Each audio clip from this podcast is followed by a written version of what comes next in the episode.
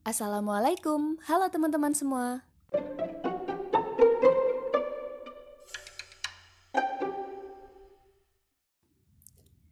Jam 9.15 malam, udara dingin tapi tidak berangin, suasana alun-alun kota Batu terpantau ramai. Dan 300 meter kemudian, keramaian mulai menghilang seiring dengan laju motor yang dikendarai temanku menjauhi alun-alun.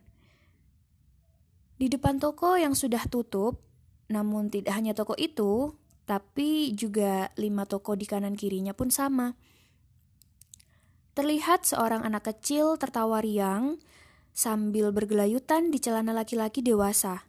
Nampaknya itu ayahnya. Tingkah anak kecil ini disaksikan oleh seorang perempuan yang duduk tidak jauh darinya. Sambil tersenyum dan seperti memasang posisi sigap, khawatir anak itu akan terpental ketika berkelayutan, tidak salah lagi. Perempuan itu adalah ibunya. Pandanganku ternyata berlanjut menyelidiki mereka, dan pandanganku berhenti pada rompi merah menyala yang dikenakan ayah si anak kecil ini.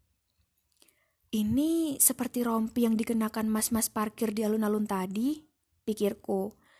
Tanpa disadari, segaris senyum kecil terukir di wajahku.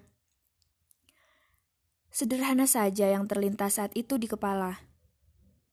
Senang sekali melihat keluarga kecil itu tersenyum bersama dan kehangatan menyelimuti mereka dari dinginnya kota batu kala itu.